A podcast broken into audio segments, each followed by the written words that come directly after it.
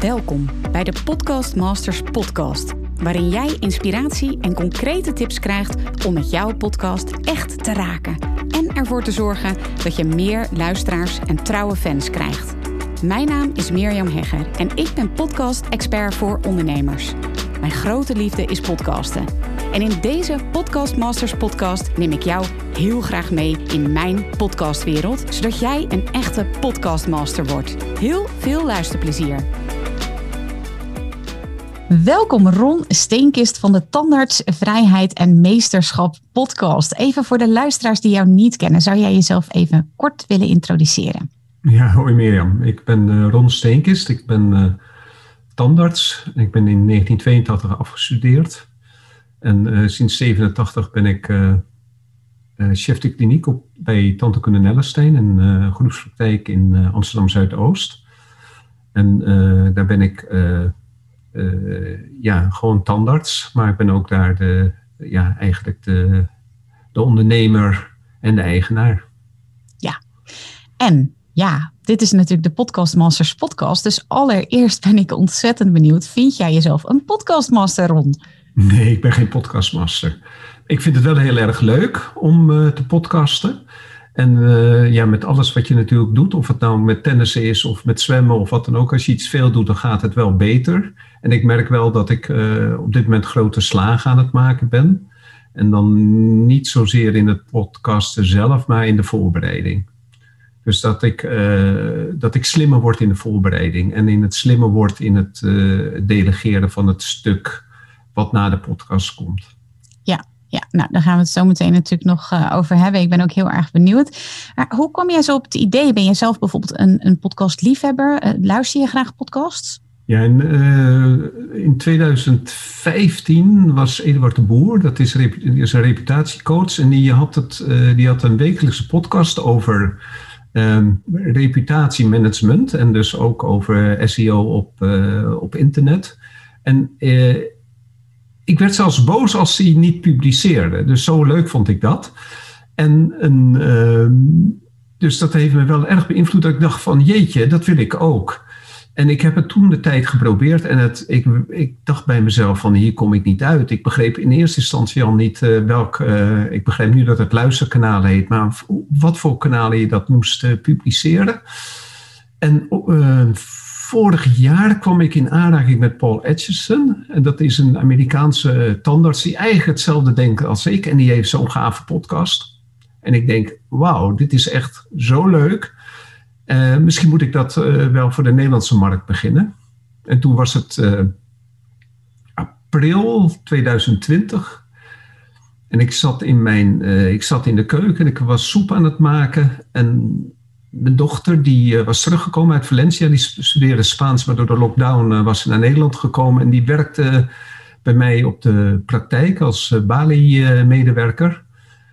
En al mijn dochters hadden altijd, ik heb vijf dochters, die hadden allemaal gezegd van, wij willen echt niet in die vieze kijken. Wij worden echt geen tandarts. Dat heb ik altijd jammer gevonden, want ik had het heel leuk gevonden als mijn, mijn dochters in de praktijk hadden overgenomen. En zeker als, uh, als vrouw is het gewoon een ontzettend mooi vak waar je heel erg veel vrijheid mee kan hebben. En meestal een goed salaris. Dus ik had ze echt gegund dat ze tandarts zouden zijn geworden, maar ze hebben andere keuzes gemaakt. Maar mijn dochter die komt dus binnen en die roept: Papa, papa, ik word tandarts. Ik denk, wat hoor ik? Bibi, Bibi, je wordt tandarts? Ja, papa, het is zo gaaf. Ik, eh, iedereen zit naar die foto's te kijken. Met z'n allen bespreken ze het. Ik wil ook tandarts worden. Ik ga tandarts worden. Maar Bibi, je hebt een havenpakket. Hoe ga je dat doen? Nee, gewoon leren, gewoon doorzetten. Ik ga het gewoon doen. En toen dacht ik bij mezelf, jeetje, nu wordt Bibi tandarts. En, en ik ben dan, als ze echt een beetje sneller is, dan ben ik 70 als zij, zij klaar is. Ik, en dan is die praktijk al lang niet meer voor mij. Dus ik dacht bij mezelf, hoe kan ik nou dit overdragen van de kennis die ik heb aan haar? En toen dacht ik bij mezelf, weet je, ik ga alle mensen die heel belangrijk voor mij zijn geweest, uh, die ga ik interviewen en dan ga ik het vastleggen wat ze zeggen. En ik denk, ik ga het gewoon doen. Ik heb meteen die, uh, dat moment een aantal mensen gebeld of ze daarmee wilden samenwerken. En onderwijl ben ik op, op internet gaan kijken wat, hoe je dat dan moest regelen, zo'n podcast. En ik kwam al snel complimenten voor je marketing, Mirjam. kwam ik jouw naam tegen. Ik heb toen meteen het stappenplan van jou ge, aangevraagd. En ik zat op dat moment gewoon in jouw funnel, denk ik. En ik denk, ja, nou is, de, nou is het de tijd. En ik ben gewoon. Uh, ik heb me. Volgens mij begon je ook met een pilot in het begin. Dus heb ik me ingeschreven en uh, ik heb in jouw, uh, jouw pilot van jouw masterclass meegelopen. Ja, van het een komt het ander. En toen kwam ik ook al gauw in aanraking met Matthijs Kwaars. Ja, dat, dat, is een, ja, dat is voor mij toch wel een hele belangrijke steunpilaar in mijn, uh, in mijn podcastwerk. Uh, dus het is, is relatief toen snel gegaan. Ja, en wat ik dan zo bijzonder vind aan jouw verhaal is dat je, weet je, sommige mensen denk ik, of sommige tandartsen of anderen die hun kennis of inspiratie of nou ja, enthousiasme willen overdragen over hun vakgebied bijvoorbeeld, wat jij dus had, die zouden denken, ik schrijf een boek. Of ik ga uh, workshops geven. Uh, of nou ja, ik ga video's maken. En jij besloot om te gaan podcasten. Wat maakte dan dat je echt ging voor die podcast? Nou, dat kwam door die Paul Atchison. Uh, hij, had, hij heeft zo'n mooi format met uh, verschillende hoofdstukjes. En ik ben wel een ongelofelijke kopieerder. En ik denk van als ik dat van hem doe, wat hem navolg, en ik hou me aan zijn stramien, uh, en ik kopieer dat, dan, dan gaat het goed komen. Dus uh, voor een boek ben je, zou, je best, uh, ben ik, zou ik best lang bezig zijn qua voorbereiding. Omdat je een boek kopieert is best moeilijk. Hè? Dan zit je met allerlei rechten. dat, dat kan gewoon niet, want dan vertaal je een boek. Maar dit dacht ik, dit, dit, dit kan gewoon relatief makkelijk. En uh, dat boek komt later wel. Ja. Dus zo is het gekomen, ja. Ja, nou, en toen ben je dus uh, met de Academy gestart en uiteindelijk heb je dus ook Matthijs leren kennen. Um, nu zijn er natuurlijk een heleboel mensen die dit luisteren en die denken ook van nou, ik heb precies hetzelfde verhaal als Ron. Ik wil mijn, nou ja, ik, ik noem het dan even legacy, zeg maar. Mijn, alles wat ik weet, dat zou ik wel heel graag in een uh, podcast willen gieten. Um, wat zou dan de eerste stap kunnen zijn? Wat, wat is jouw advies daarin? Nou, ik denk als je het echt goed wil doen. Ik hoor van veel mensen dat ze het alleen met een iPhone in het uh, iPhone-oortje in het begin doen. Ik denk dat je gewoon vrij snel, of eigenlijk direct 100 euro of 80 euro moet uh, besteden aan een goede microfoon. Als een, als een podcast geen goed geluid heeft, dan wil je daar niet naar luisteren. Op dit moment zijn er opnames van Clubhouse en die maak ik ook. En dat is een beetje blikkerig geluid, maar je gunt het Clubhouse omdat het een beetje illegaal is dat het, uh, dat het uitgezonden wordt. Dan weet je dat het, uh, dat het op een bepaalde manier opgenomen is. En dan, dan, dan kan je zelf de beslissing nemen. Oké, ik luister hier specifiek naar, maar als je naar een podcast luistert, dan moet de microfoon echt goed zijn. Want anders hou je dat geen half uur of een uur vol om naar te luisteren, dan denk je al snel volgende podcast. Dus echt microfoon, microfoon, microfoon. Dat is het. Net zoals bij huizen, locatie, locatie. Bij een, uh, podcast is het microfoon, microfoon. Ja. Um, even over de vorm. Want jij doet met name interviews, maar je, ja, je merkt gewoon als je jouw podcast luistert dat je er echt tijd aan en aandacht aan besteedt. Kun je iets vertellen over het format waar jij voor uh, kiest? Ja, wat, uh, ik, uh, wat ik doe, ik interview diegene. Um, dat, dat neem in één keer op.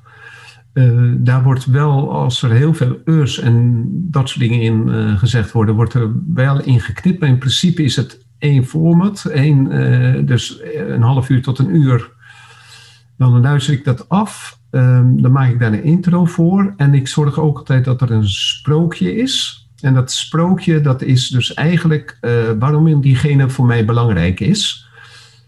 En uh, dus eigenlijk een beetje het, wat ik net vertelde over mijn dochter. Hè, van uh, wat er gebeurde. zo, kan je, zo zou je dat ook kunnen gebruiken als, als begin als sprookje van mijn eh, verhaal. Dus ik zet diegene in een verhaaltje in het, in, uh, in het spotlight. En, en, ja, dat vind ik zelf heel leuk. Ook omdat het, uh, in het verleden speelt, maar ik vertel het in het heden. En ja, dat vind ik op zichzelf wel, wel heel grappig. Dan zeg ik, het is 12 september 1994. Ik loop over de parkeerplaats. En, hè, dus er was eens. En dan vertel ik het verhaal en dan waarom diegene voor mij belangrijk is. Ja, heel erg leuk. Ik luisterde degene waarin je vertelt dat je in een vliegtuig zit met de vega broodjes. En ja. echt, je kan zo leuk vertellen. Hoe, waar, ja, kun je daar iets over meegeven aan de luisteraars van hoe je dat doet of hoe je echt een goed verhaal opbouwt? Ja, dat, dat, uh, ik heb eh, de afgelopen uh, twee jaar heb ik de Speaking Academy in, in Londen gedaan. En wat voor hun heel belangrijk is, als je een verhaal vertelt, dat je het in de tegenwoordige tijd doet. En dat je rare, specifieke dingen vertelt. dus in het verhaal waar jij het over hebt, dan heb ik het over de, de kleding van de stewardess, over haar lach, over haar blonde haar, over de bril of over en watgene die naast me zit en het geronk van, de, van, de, van het vliegtuig. Dus dat je alle, alle zintuigen gebruikt, zoals het geluid, uh, misschien geur, uh, zicht, gehoor en uh, soms ook smaak. En dan, ja, dan, dan, maak je het specifieker. Dan, dan neem je degene mee en die kan zich dan op dat moment voorstellen wat er gebeurt, zoals in een boek. En ja, dat is leuk. ik vind het leuk. Ja, het luistert ook heel prettig. Maar ook de interviews die je doet, die zijn echt van goede kwaliteit. Heb je, had jij ervaring met interviews of helemaal niet? Nee, helemaal niet. Nee, nee. Wat kun je daarover vertellen? Want ik denk dat een heleboel mensen ook wel interviews zouden willen doen, maar dat misschien nog een beetje spannend vinden. Of denken van, ja, ik heb dat nog nooit gedaan. Wat, hoe, heb je, hoe heb jij dat aangepakt? Um, nou, het is natuurlijk wel zo, ik ben tandarts en um, dus ik heb wel heel veel eh, communicatiecursussen gedaan. Dus ik moet misschien, eh, zeker op de drukke dagen, dat ik uh, mijn beugeltandersprogramma draai. Dan heb ik misschien wel 40, 50 contacten met mensen en moeders. En dan moet je dus heel snel de highlights pakken. Hè, van, want eigenlijk kom je natuurlijk voor, je, je komt bij gedelegeerd werk. En je pakt dan op dat moment de highlights met het kind en met de assistenten en met de moeder. En op dat moment maak je een een klein verhaal om te laten zien dat je uh, geïnteresseerd bent en dat je bezig bent met hetgene wat het kind ondervindt. Um, daarnaast is het uh, belangrijk dat je dan spiegelt en dat je de woorden gebruikt en de, de woorden gebruikt die zoals die, de ander ook zijn woorden gebruikt. En spiegelen bedoel ik dat je vaak de houding van de ander aanneemt. En dat geeft vaak al heel snel een geruststellend gevoel bij de ander. En bijvoorbeeld, het is wel grappig om te weten. Ik heb zelf altijd heel erg moeite gehad met mensen die uh, bijvoorbeeld in, een, in het concertgebouw speelden.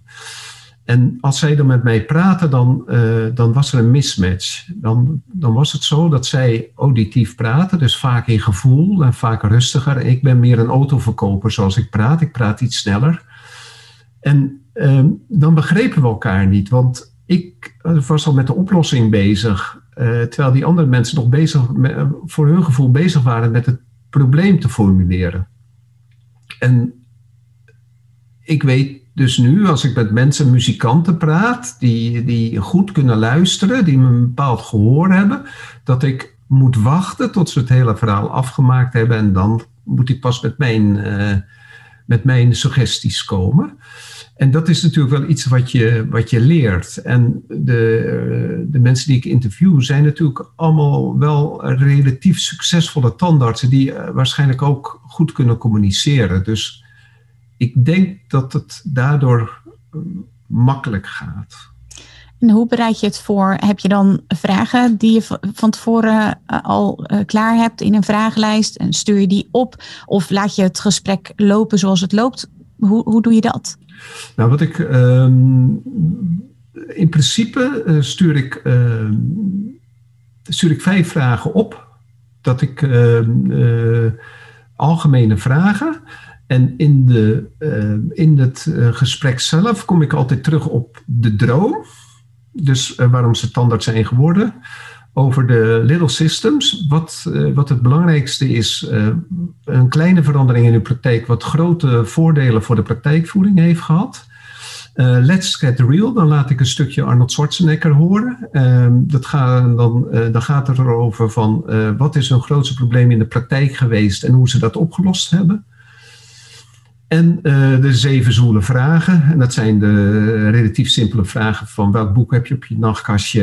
Uh, wat vind je het beste boek wat een jonge tandarts moet lezen? Wat is de beste cursus? En dat zijn natuurlijk uh, dingen die mij ook heel erg bezighouden. Dus als zij een bepaald boek noemen, ja, dan, dan is het gewoon een kwartier lang kunnen we daarover praten zonder problemen. Ja. Maar dat, ik heb dus wel vier vragen die, waar alles aan opgehangen wordt. Ja. ja. dus je hebt eigenlijk rubrieken en daaronder zitten de vragen. Dus bijvoorbeeld uh, de droom, daar zit dan in van uh, hoe is je bedrijf ontstaan? Uh, wat ben je op dit moment aan het doen? klopt dat een beetje? Ja, het is, nee, we praten ja? En op een gegeven moment uh, zeg ik van, is, uh, was je droom altijd om tandarts te worden? Ah, mooi. Ah, ja. Dus er is altijd een moment dat ik kan zeggen, net zoals je bij, als tandarts kan zeggen, je praat met mensen. En op een gegeven moment zeg je van, hoe is het met uw tanden? Dus er is altijd een moment dat je in kan breken. En uh, de droom, dat verwacht iedereen. iedereen die, in dat, die een interview met mij heeft, verwacht zeker dat hij zou moeten vertellen waarom hij tandarts is geworden. Ja. Heb je dit allemaal zelf bedacht? Ik vind het zo ontzettend leuk. Nee, dat heb ik niet zelf bedacht. Ik heb, eh, wat ik al zei, van die Paul Atchison, eh, die Amerikaanse tandarts die die uh, podcast heeft, die, die heb ik gewoon uh, 100% nagedaan. Ja, echt. Maar het is een hele ja, hoe zeg je dat, laagdrempelige manier uh, opbouw zeg maar, van je aflevering. Waardoor het ook herkenbaar wordt voor je luisteraar. En ook uh, voor je gasten ook een uh, bepaalde herkenning geeft, denk ik. Ja, dat is ook zeker waar. De, ja. de gesprekken gaan heel makkelijk daardoor. Ja, leuk. Je hebt gekozen voor uh, interviews als uh, format. Wat, wat is daar de reden van? Of ga je ook solo-afleveringen maken? Heb je natuurlijk in de eerste heb je dat gedaan. Ga je ja. dat nog vaker doen? Of um, ja, kun je daar nog eens iets over vertellen? De, waarom ik interviews doe, is omdat ik natuurlijk uh, de, de, de, mensen wil interviewen die voor mij belangrijk zijn in, in mijn leven als standaards. Ja. Uh, dus daarom uh, heb ik, uh, zijn het over het algemeen tandarts. En morgen ga ik naar de, mijn commerciële economie leraar toe, die voor mij een belangrijke is geweest op het gebied van dienstenmarketing. Hè, dus voor de marketing van de tandartspraktijk. Maar in principe tandartsen, die, waardoor ik dus mijn verhaal aan mijn, mijn wat, dat verhaal, die hun verhalen laat ik dan na aan mijn dochter. Dat is de achterliggende gedachte. Wat ik aan mezelf merk, uh, als ik moet praten voor de vuist weg, uh, vind ik dat moeilijk. Ik merk dat ik vaak dan uh zeg. En dat heeft te maken dat het verhaal dan niet helemaal in mijn hoofd zit. En dan zit ik nog het verhaal te maken terwijl ik, uh, ja, terwijl ik erover nadenk. Ja, en, ja. Dus ik heb vaak iemand nodig als kapstok.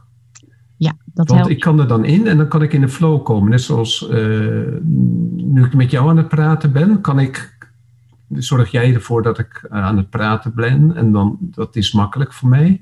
En ik merk ook op Clubhouse dat het daardoor makkelijker is als ik een uh, buddy heb die, uh, die mij er doorheen sleept. Of dat ik de buddy er doorheen kan slepen. Ja, dus dat zorgt voor een bepaalde structuur eigenlijk in, in het gesprek.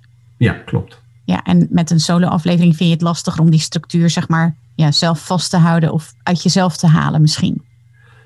Ja, wat ik, ik zit wel aan te denken dat het misschien leuk zou zijn dat ik, ja, ik denk dan meteen in een lecture van uh, drie kwartier, maar dat hoeft natuurlijk helemaal niet. Je kan natuurlijk een, een tien minuten of een twaalf minuten bonus doen tussen de maandelijkse afleveringen in. En ik zat te denken, het is natuurlijk ook belangrijk dat ik misschien vertel wat de lotgevallen zijn van mijn dochter. Dus dat dat de, de volgende stap is, dat ik gewoon vertel hoe ze, nu, hoe ze nu bezig is, welke stappen we maken om daar verder mee te gaan.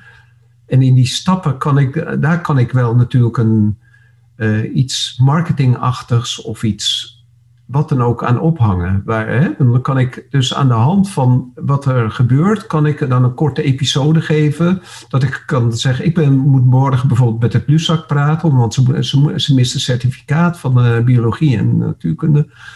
Dus ik denk, nou, dan kan je daar natuurlijk kan je vertellen hoe dat bij het LUSAC gaat. Dan kan je daar het sprookje van maken. En dan kan je dus vertellen, hé, hey, wat deden ze goed of wat deden ze minder goed. Zo. Ja, dat dus is daar zat ik aan te denken. Ja, dat is ook echt een ondernemerschapsthema eigenlijk wel. Wat je dan uh, vertelt, vind ik. Ja. Als, je, als je aangeeft van wat deden ze goed of wat deden ze niet zo goed, dan is dat voor jou als tandartspraktijk of als standaards van een tandartspraktijk ook heel interessant, denk ik, om te, om te horen. Ja, dan kan ik zeker het, uh, het bruggetje maken naar de tandartspraktijk. Ja, precies. En dan wordt het natuurlijk ook weer heel relevant uh, voor een uh, tandarts uh, podcast. Ja, ja, ik vind het echt zo geweldig rond dat jij überhaupt ja, over dit topic uh, podcast. En ik ben ook benieuwd, krijg je reacties van luisteraars? Of, ja, ja het, het, het grappige is dat ik uh, van de oudere tandartsen krijg heel veel reacties. Die vinden het ontzettend leuk. Het is natuurlijk ook zo dat uh, best misschien veel oude koeien uit de sloot worden gehaald. Want dat zijn natuurlijk uh, uh, iets jongere mensen dan ik, maar boven de 50, die ik interview. Dus, die, dus misschien is het, een beetje, is het ook een beetje voor de ouder. Het valt me op dat er, een, dat er wel veel mensen van Groningen reageren, studenten. Dat is wel grappig. Van Nijmegen reageert nooit iemand van de studenten. En van Amsterdam reageert soms mensen. En in principe ben ik een Amsterdammer en geen Groninger. Maar het valt me op dus dat, er een, uh, dat, er, dat het eigenlijk landelijk gespreid is uh, hoe, men, hoe, men, reageert. Maar ik denk dat het ook. Um, het is moeilijk, denk ik, om voor te stellen als je zo klein op die vierkante millimeter op de universiteit bezig bent. En je denkt dat de vormgeving van het kiezen het belangrijkste in het leven is dan is het moeilijk voor te stellen dat je eigenlijk allemaal ondernemer wordt. En ik denk dat het ondernemer zijn zo ver van een bedshow is, dat ze het niet herkennen. Ja. Ja. Ja, ik vind het zelf wel heel leuk om naar te luisteren. Ik ben, ik ben geen tandarts, maar ik vind het toch leuk om naar te luisteren, omdat er gewoon hele goede verhalen worden verteld. Je bent een goede interviewer en daarnaast ja, vind ik zelf ook dat je heel leuk vertelt. Dus um, ja, ik vind het heel leuk om naar te luisteren. Dankjewel ik, voor het compliment, uh. Ja, ik um, vroeg me af van, heb je ook wel eens ja, een gebrek aan inspiratie, maar meer een gebrek aan gast? Of uh, dat je niet helemaal weet van waar, de, waar wat, wat zal ik de volgende keer, uh, of wie zou ik de volgende keer interviewen? Komt dat wel eens voor? Nee. Je hebt te veel misschien. nee, ik heb twaalf mensen gevraagd en die zeiden allemaal ja. Er is oh, één iemand die zei van... Uh, ja, maar dat worden toch steeds dezelfde twaalf verhalen. Nou zeg ik, dat, dat is niet de reden dat ik jou uitnodig. Je hebt een specifieke reden waarom ik jou uitnodig. Dus reken er maar op dat het niet hetzelfde wordt als de andere verhalen. Dan zeg ik, dan is het goed. Leuk hoor. Ja, en je hebt gekozen voor een frequentie van uh, in ieder geval één keer per maand en soms twee keer ja, per klopt. maand, hè? Ja, één keer per maand. En dan... Uh, en daar, daar hou ik me ook aan, want dat heb ik met mezelf afgesproken, met de luisteraars. In de laatste tijd doe ik een, uh, een podcast over de Van Clubhouse tussendoor. En Ja, daar precies. komt dus, morgen komt de tweede daarvan uit. Ja, heel erg leuk dat je dat dan als bonus erop zet. Um, hoe vind je die frequentie van, nou laat ik zeggen, één keer per maand in ieder geval en dan soms een bonusaflevering? Het interviewen zou ik best elke dag willen doen. en het editen niet. Nee.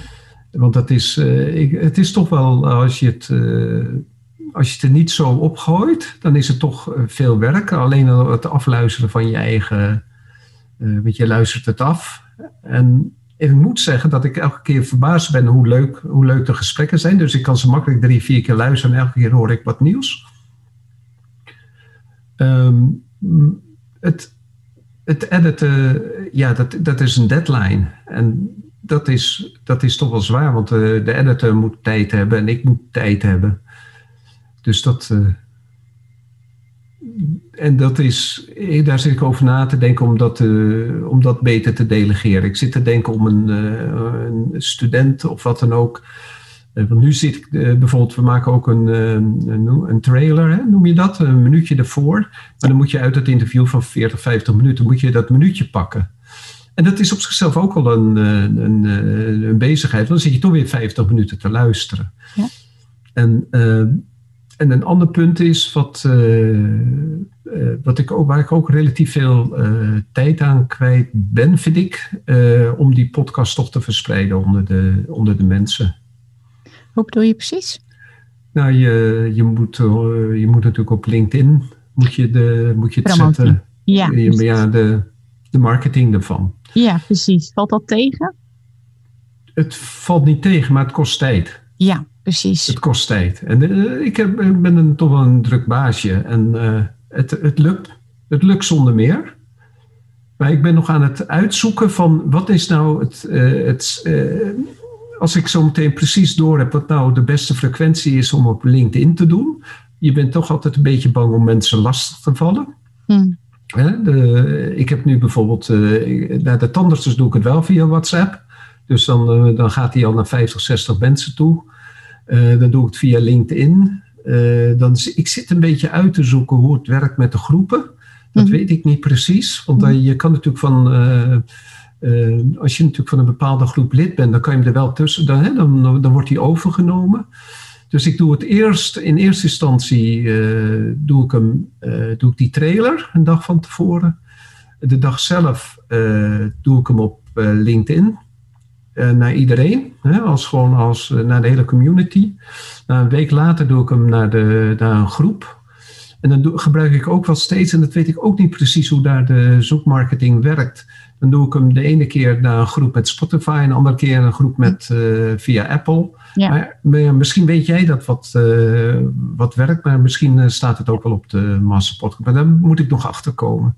Ja, nou, even, daar kan ik wel even op antwoorden hoor.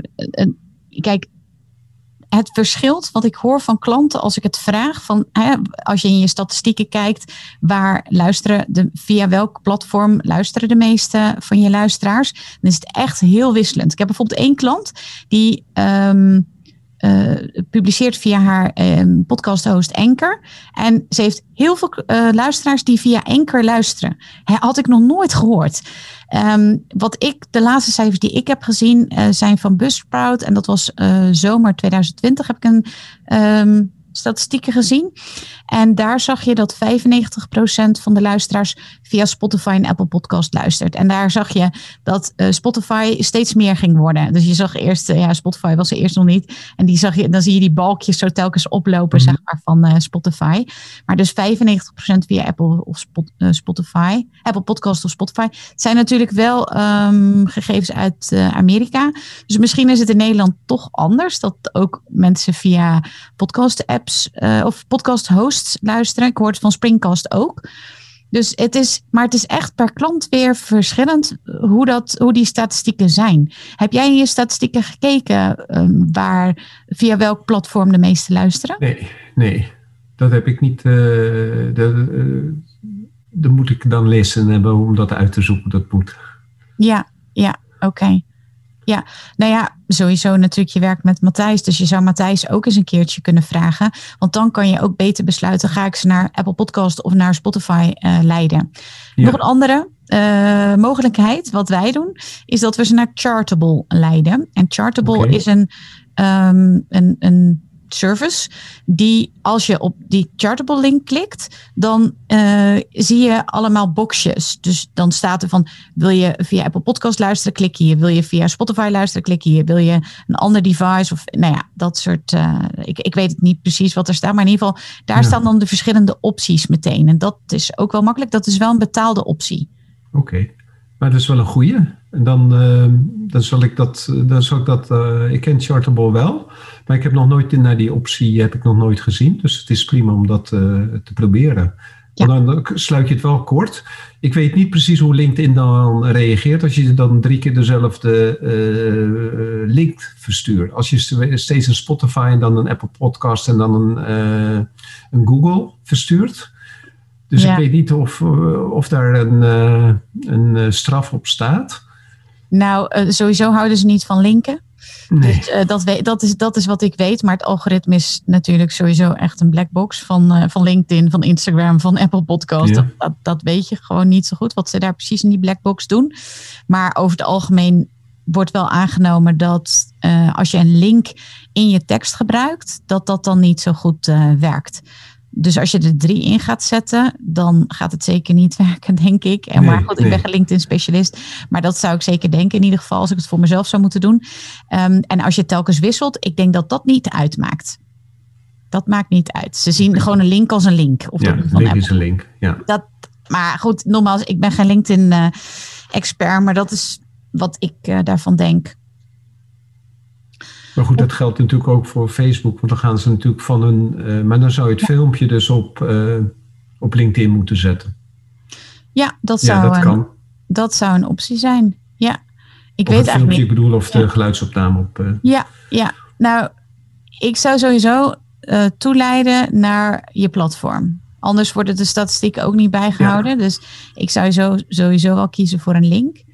Naar, pot, ja, Potbean dan in, je, in, ons, in ons geval. Jij Hoe hebt, je dat? Al, jij bedoelt als, Potbean. Jij Potbean, oké. Okay. Nee, ik zou niet naar Potbean uh, nee, leiden. Toch? Nee. nee. Nee, nee, ik zou naar of de Apple Podcast of Spotify. Ja, ja.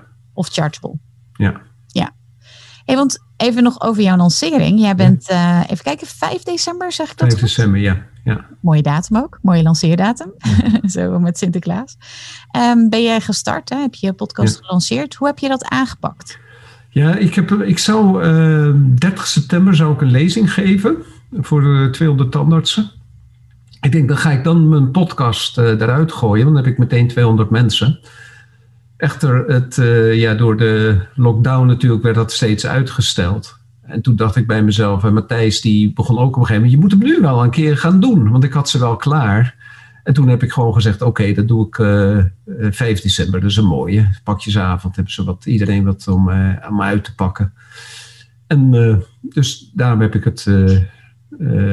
Die, en het viel ook met de vrijdag, zaterdag, de eerste vrijdag, zaterdag van, de, van de maand. Dat is de, mijn ritme, elke vrijdag, zaterdag van de maand. Dat die gepubliceerd wordt, net voor het weekend.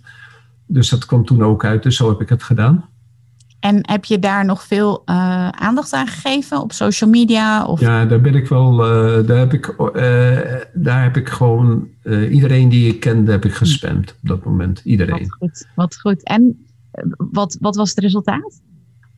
Ja, ik stond binnen twee dagen op nummer twee in de Medicine, de geneeskundenlijst. Dus dat was, een, was best gaaf om te zien. Alleen Thijs van de Brink van de EO met virusfeiten, die stond ervoor. Maar ja, die, die heeft natuurlijk, die hoeft niet te marketen, want die heeft die 200.000 mensen die naar hem kijken op de tv, die, die volgen zijn podcast. Dus ik denk dat dat onbereikbaar is. Zolang, we in een, zolang het virus er is, denk ik dat hij op één blijft in de, in de geneeskunde charts. Maar zodra, hij, zodra het virus weg is, probeer ik op één te komen. Ja, ja, heel goed. Ja, nou ja, ik, ik hoor het inderdaad wel dat er in het voorgesprek al eventjes over dat ik ook een andere klant heb en die heeft ook, zit ook in een categorie waar iemand, een andere podcast is die al twee jaar bezig is, die twee keer per week, week publiceert en echt een vaste luisteraarschade hebt. Ja, daar kom je gewoon bijna niet voorbij, zelfs in die lanceerperiode die ja, gewoon ontzettend belangrijk is. Uh, dus ja, daar, daar, daar, zit jij ook mee. Maar nog niet op nummer één zou ik zeggen. Vooral dat woordje nog. En um, als dat inderdaad dat virus is verdwenen, dan maak je natuurlijk weer een hele grote kans. Ja, laten we dat afspreken. Ja, precies. Ja, weet je, je hebt je lancering natuurlijk achter de rug. Je hebt je een aantal keuzes gemaakt in het, in, in het begin. Ik ben wel heel erg benieuwd. Um, als je zo terugkijkt, kun je dan al wat zeggen over wat je ja, belangrijkste inzicht of les is tot nu toe als het gaat over je podcast? Ja, de, ik vind uh, Tony Robbins heel belangrijk. Uh, die is heel belangrijk in mijn leven geweest. En heeft de Six Human Needs. En uh, de podcast die voldoet volledig aan de, belangrijkste benodigdheden die je als mens nodig hebt. En ehm, wat een van de belangrijkste dingen vind ik altijd in het leven dat er variëteit is en spanning en surprises. En uh, de, de podcast is echt een surprise met het, de gesprekken die je hebt met mensen, hoe erop gereageerd wordt. Dus wat een van de dingen die ik nog niet bereikt heb met mijn podcast is een hater. ze zeggen altijd als je haters hebt, dan heb je het gemaakt. Ja. En ik heb uh, best wel haters in mijn leven die af en toe niet eens zijn met me, wat ik doe. Maar met mijn podcast heb ik nog alleen maar lovers gehad en geen haters. Dus ik heb het nog niet gemaakt. Dus daar wacht ik nog even op. En dat is uh, misschien wel de enige zekerheid die we hebben. Dat er op een gegeven moment ook haters komen die het niet eens zijn met wat we doen. Maar die, de zekerheid die ik dan heb is ja, de zekerheid toch van de vrienden die ik interview. Hè, de, en dan de connectie die ik met mensen heb. En de connectie toch ook met de luisteraars die positief reageren. En ik, uh, ik merk dat, uh, dat je ook significant, hè, betekenisvol bent voor, voor mensen. Uh, en ook erg betekenisvol voor jezelf. Want je bent toch iets begonnen waarvan je niet wist dat je die capaciteiten had. En, en dat geeft me wel heel veel zelfvervulling.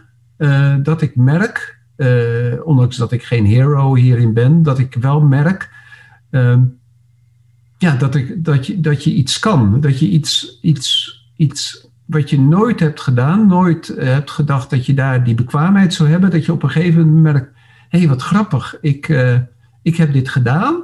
En het is niet top, maar eigenlijk helemaal niet zo slecht. En ik kan best trots zijn op mezelf. En dat vind ik ontzettend leuk.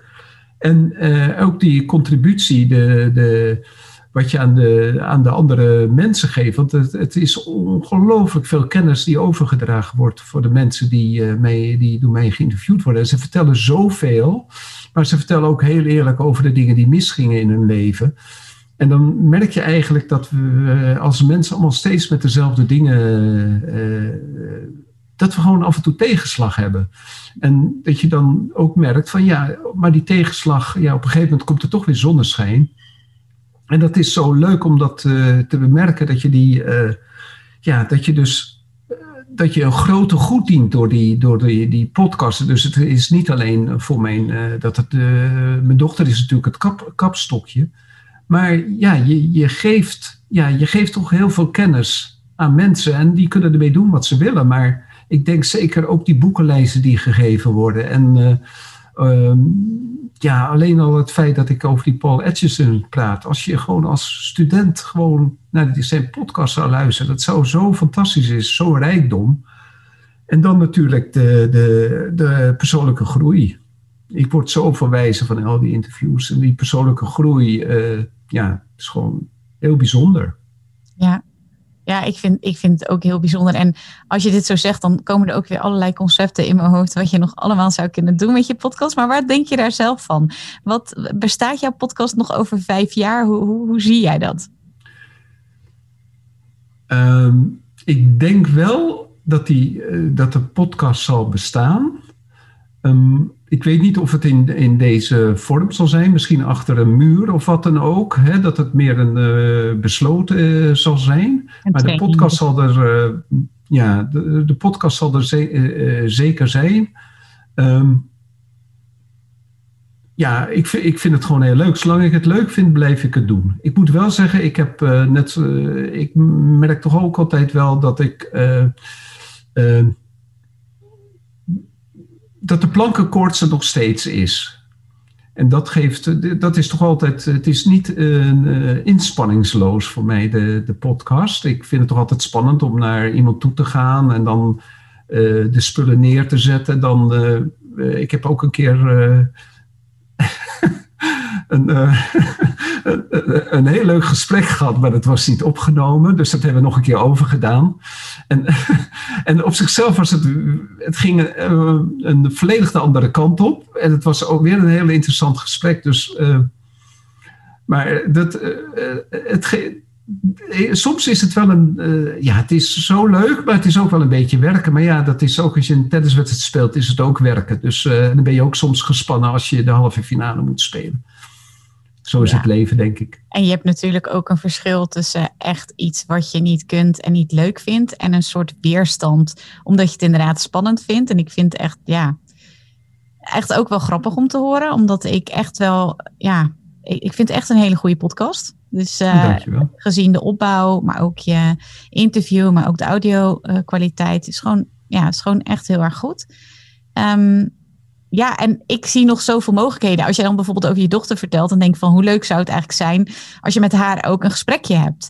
Want het is natuurlijk leuk om te vertellen over haar, maar misschien zou ze het ook leuk vinden om af en toe even een soort eigen update eh, te komen doen als uh, gast uh, optreden in je, in je podcast. Ik weet niet of je daar wel eens over nagedacht hebt.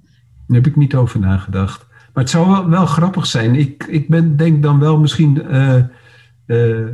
verveel je mensen. Maar dat, dat hoeft natuurlijk helemaal niet als iets spontaan is en kort is. Dan is het altijd eh, leuk om naar mensen te luisteren. Nou ja, ik, ik zou daar nog wel iets schokkends aan, aan willen, over willen zeggen. Want het is nu eenmaal een feit dat je mensen verveelt. En dat is, ja, sorry dat voor deze boodschap, maar dat is, dat, dat is een feit. Niet per se jij erom, maar wij als podcastmakers vervelen mensen. En die mensen die luisteren niet. En dat is het fijne aan podcasten, vind ik persoonlijk. Dat diegenen ook gewoon helemaal niet luisteren. Dus je hebt een soort van natuurlijke selectie van mensen die jou heel interessant vinden. Daar maak je je podcast voor. En van die anderen die jouw podcastafleveringen te saai vinden, te langdradig, uh, te vaak vinden, uh, die jouw interviews. En nou ja, zo kan je nog van alles verzinnen. Daar maak je je podcastaflevering niet voor. En dat vind ik juist het, ja, ook het, dat geeft mij ook, ik ben natuurlijk ondernemer, dus ik, ik hou ook van vrijheid. En dat geeft mij ook echt zoveel vrijheid in mijn eigen podcast, dat ik altijd denk van, nou ja, als je het niet leuk vindt, helemaal prima. Nou, dan hoef je ook niet te luisteren. Dus um, ja, je maakt echt de, de, podcast voor je fans. Maar dan krijg je nooit een hater. Ja, die vallen dan af. Hè? Ja. Maar ja, soms, soms maken ze zich bekend. Maar mijn erva persoonlijke ervaring na drie podcasts is dat ze niet zo heel vaak op de lijn komen. Ik heb ook bijvoorbeeld, uh, nou ja, zoals je zelf hebt ervaren, Facebook-advertenties, Instagram-advertenties. Ik doe e-mails. En daar heb ik absoluut haters die zichzelf heel makkelijk bekendmaken. Maar via de podcast, ik serieus, tot nu toe, ik ben nu, even kijken, vijf jaar aan het podcast. Ja, heb ik nog nooit iemand gehad die zei van ik vind jouw podcast stom of zo. Of ik, ik vind hem niet leuk of te langdradig. Of, ja. Ik heb nog nooit gehoord. Daar heb ik nog nooit over nagedacht, maar dat is natuurlijk zo. Mensen luisteren echt niet. Nee, nou dat is toch ook helemaal nee, prima. prima. Ik zou niet prima. willen dat ze ook niet luisteren. Dan denk ik van nou, ik heb ook podcast waar ik echt goed beluisterde, zo niet heel goed beluisterde podcast van Nederland, die ik helemaal niks aan vind. Maar die hebben honderdduizend luisteraars per aflevering. Nou, ja, die luister ik ook niet. En ik vind de mensen helemaal niet stom die dat maken. Maar ja, het is gewoon niet echt mijn voorkeur. Dus um, ja, ik zou echt gaan kijken van wat vind jij leuk om te delen? En ook omdat je zegt dat je zoveel kennis hebt, zit ik ook meteen te denken van een soort kennissnacks of iets dergelijks. Waarin je ja, ook echt jouw kennis overdraagt als het gaat over bepaalde tand, hoe zeg je dat, heelkundige of tandhygiënische uh, kennis ja, dat is zo waardevol als je dat ook deelt in bijvoorbeeld een, uh, ja, een solo-aflevering. Of je kunt je ook laten interviewen. Ja. Als je het lastig vindt om uh, ja, echt het uit jezelf te halen, waar we het in het begin helemaal over hadden, om die structuur aan te brengen. Nou ja, zomaar wel even ja, wat idee, Ron. ja, dus um, nou, je, je zegt ook ja, van we gaan even kijken hoe dat er over vijf jaar uitziet. Um, ja, ik, ik vroeg me af, is er nog iets rondom jouw podcast wat we niet hebben besproken in dit interview, wat je nog graag wil belichten? Mm, nee, volgens mij uh, heb je het heel goed gedaan. Ja. Heb jij misschien een tip, een gouden tip voor iemand die luistert en die ook wil starten en ook, net als jij al ben je heel bescheiden, ook een podcast master wil worden, Roem? Ja, wat, wat ik denk, maar dat, dat is dan uh, een beetje uit eigen werk, dat je uh, luistert gewoon naar een aantal uh, Amerikaanse podcasts op jouw vakgebied mm. en kijk of je misschien iets kan pikken van ze. Het is zo zonde om zo lang bezig te zijn om een format te verzinnen, terwijl het format waarschijnlijk al verzonnen is. En we willen natuurlijk iets kunstzinnigs maken en iets bijzonders en uitspringen. Maar je kan ook gewoon beginnen eh, iets, na, iets nadoen en daar het beste uitpikken en dan gewoon starten. Ja. Beter goed gejat dan slecht verzonnen. Dat, dat uh, heb ik op mijn allereerste werken, riepen we dat altijd. Ja, en het zo is, is het wel. Ja, het is hartstikke leuk. Ik bedoel, als je kijkt naar bijvoorbeeld het interviewformat, ja, dat doen heel veel podcasts. Maar je kunt er natuurlijk ook helemaal je eigen draai aan geven. En dat heb jij zeker. Dat is zeker gelukt bij jou, Ron. Ik uh, geniet van je podcast. Dus uh, dank je wel daarvoor. En um, ja, nog eventjes voor degenen die dit nu luisteren en denken van... nou, nu wil ik ook naar die podcast van Ron luisteren. Wat is ook alweer de naam daarvan? De Tandarts, Vrijheid en Meesterschap podcast.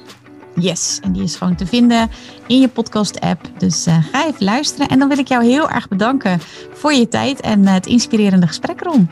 Ja, dankjewel Mirjam. Ik vond het heel leuk. En je, je hebt jezelf weer overtroffen. nou, dankjewel. Super leuk dat je weer luistert naar een aflevering van de Podcast Masters podcast. Wist je dat je heel simpel een review kunt achterlaten om te laten weten wat je van deze podcast vindt? Het is heel eenvoudig. Ga naar de podcast-app waarmee je deze podcast luistert en klik op reviews. Laat bijvoorbeeld 5 sterren achter en als je wilt ook nog een geschreven review. Hartstikke bedankt. Ben je door deze podcast enthousiast geworden en wil je nu eindelijk ook jouw eigen podcast starten? Dan heb ik iets heel tofs voor je. Een gratis podcast stappenplan, waarin je op één A4'tje het fundament neerzet van jouw eigen podcast. Ook als je nu nog niet precies weet waar jouw podcast over zou moeten gaan. Of als je je afvraagt of er wel iemand op jouw podcast zit te wachten. Of als je misschien opziet tegen de alle technische shizzle. Ga naar mirjamhegger.nl slash stappenplan en daar download je het podcast stappenplan helemaal gratis. Wil je voortaan alle nieuwe podcastafleveringen van deze podcast overzichtelijk onder elkaar? Abonneer je dan op deze Podcast Masters podcast. Klik in je podcast app op de button subscribe en je ontvangt automatisch een berichtje als er een nieuwe podcastaflevering is verschenen. Vind je deze podcast nou interessant en ken je iemand die ook een eigen podcast wil starten of die luisteraars wil en baat zou hebben bij deze podcast? Dan zou ik het echt enorm waarderen als je met je volgers of collega's deze podcast even deelt of een aflevering doorstuurt. Als je via Spotify luistert, dan kan dat heel eenvoudig door als je in de Spotify-app bent, naar de drie puntjes te gaan en dan te klikken op delen. Wil je nou direct meer inspiratie over podcasten? Elke dag deel ik op mijn Instagram-account interessante tips en behind the scenes over mijn eigen podcast-inzichten en avonturen. Ga naar instagram.com slash Mirjam Hegger. En dat lijkt misschien een hele mond vol, maar als je naar Instagram gaat en gaat uh, of zoekt op Mirjam Hegger, Mirjam met een J en Hegger met een R aan het einde, dan verschijnt hij vanzelf al in je zoekbalk. Ik vind het ook super leuk als je even laat weten wat je les of inzicht uit deze podcast hebt gehaald. Dus stuur me ook zeker even een berichtje via Instagram of LinkedIn als je jouw podcast gelanceerd hebt. Op LinkedIn kun je me vinden op mijn naam Mirjam Hegger. Nogmaals, onwijs bedankt voor het luisteren en heel graag tot de volgende keer.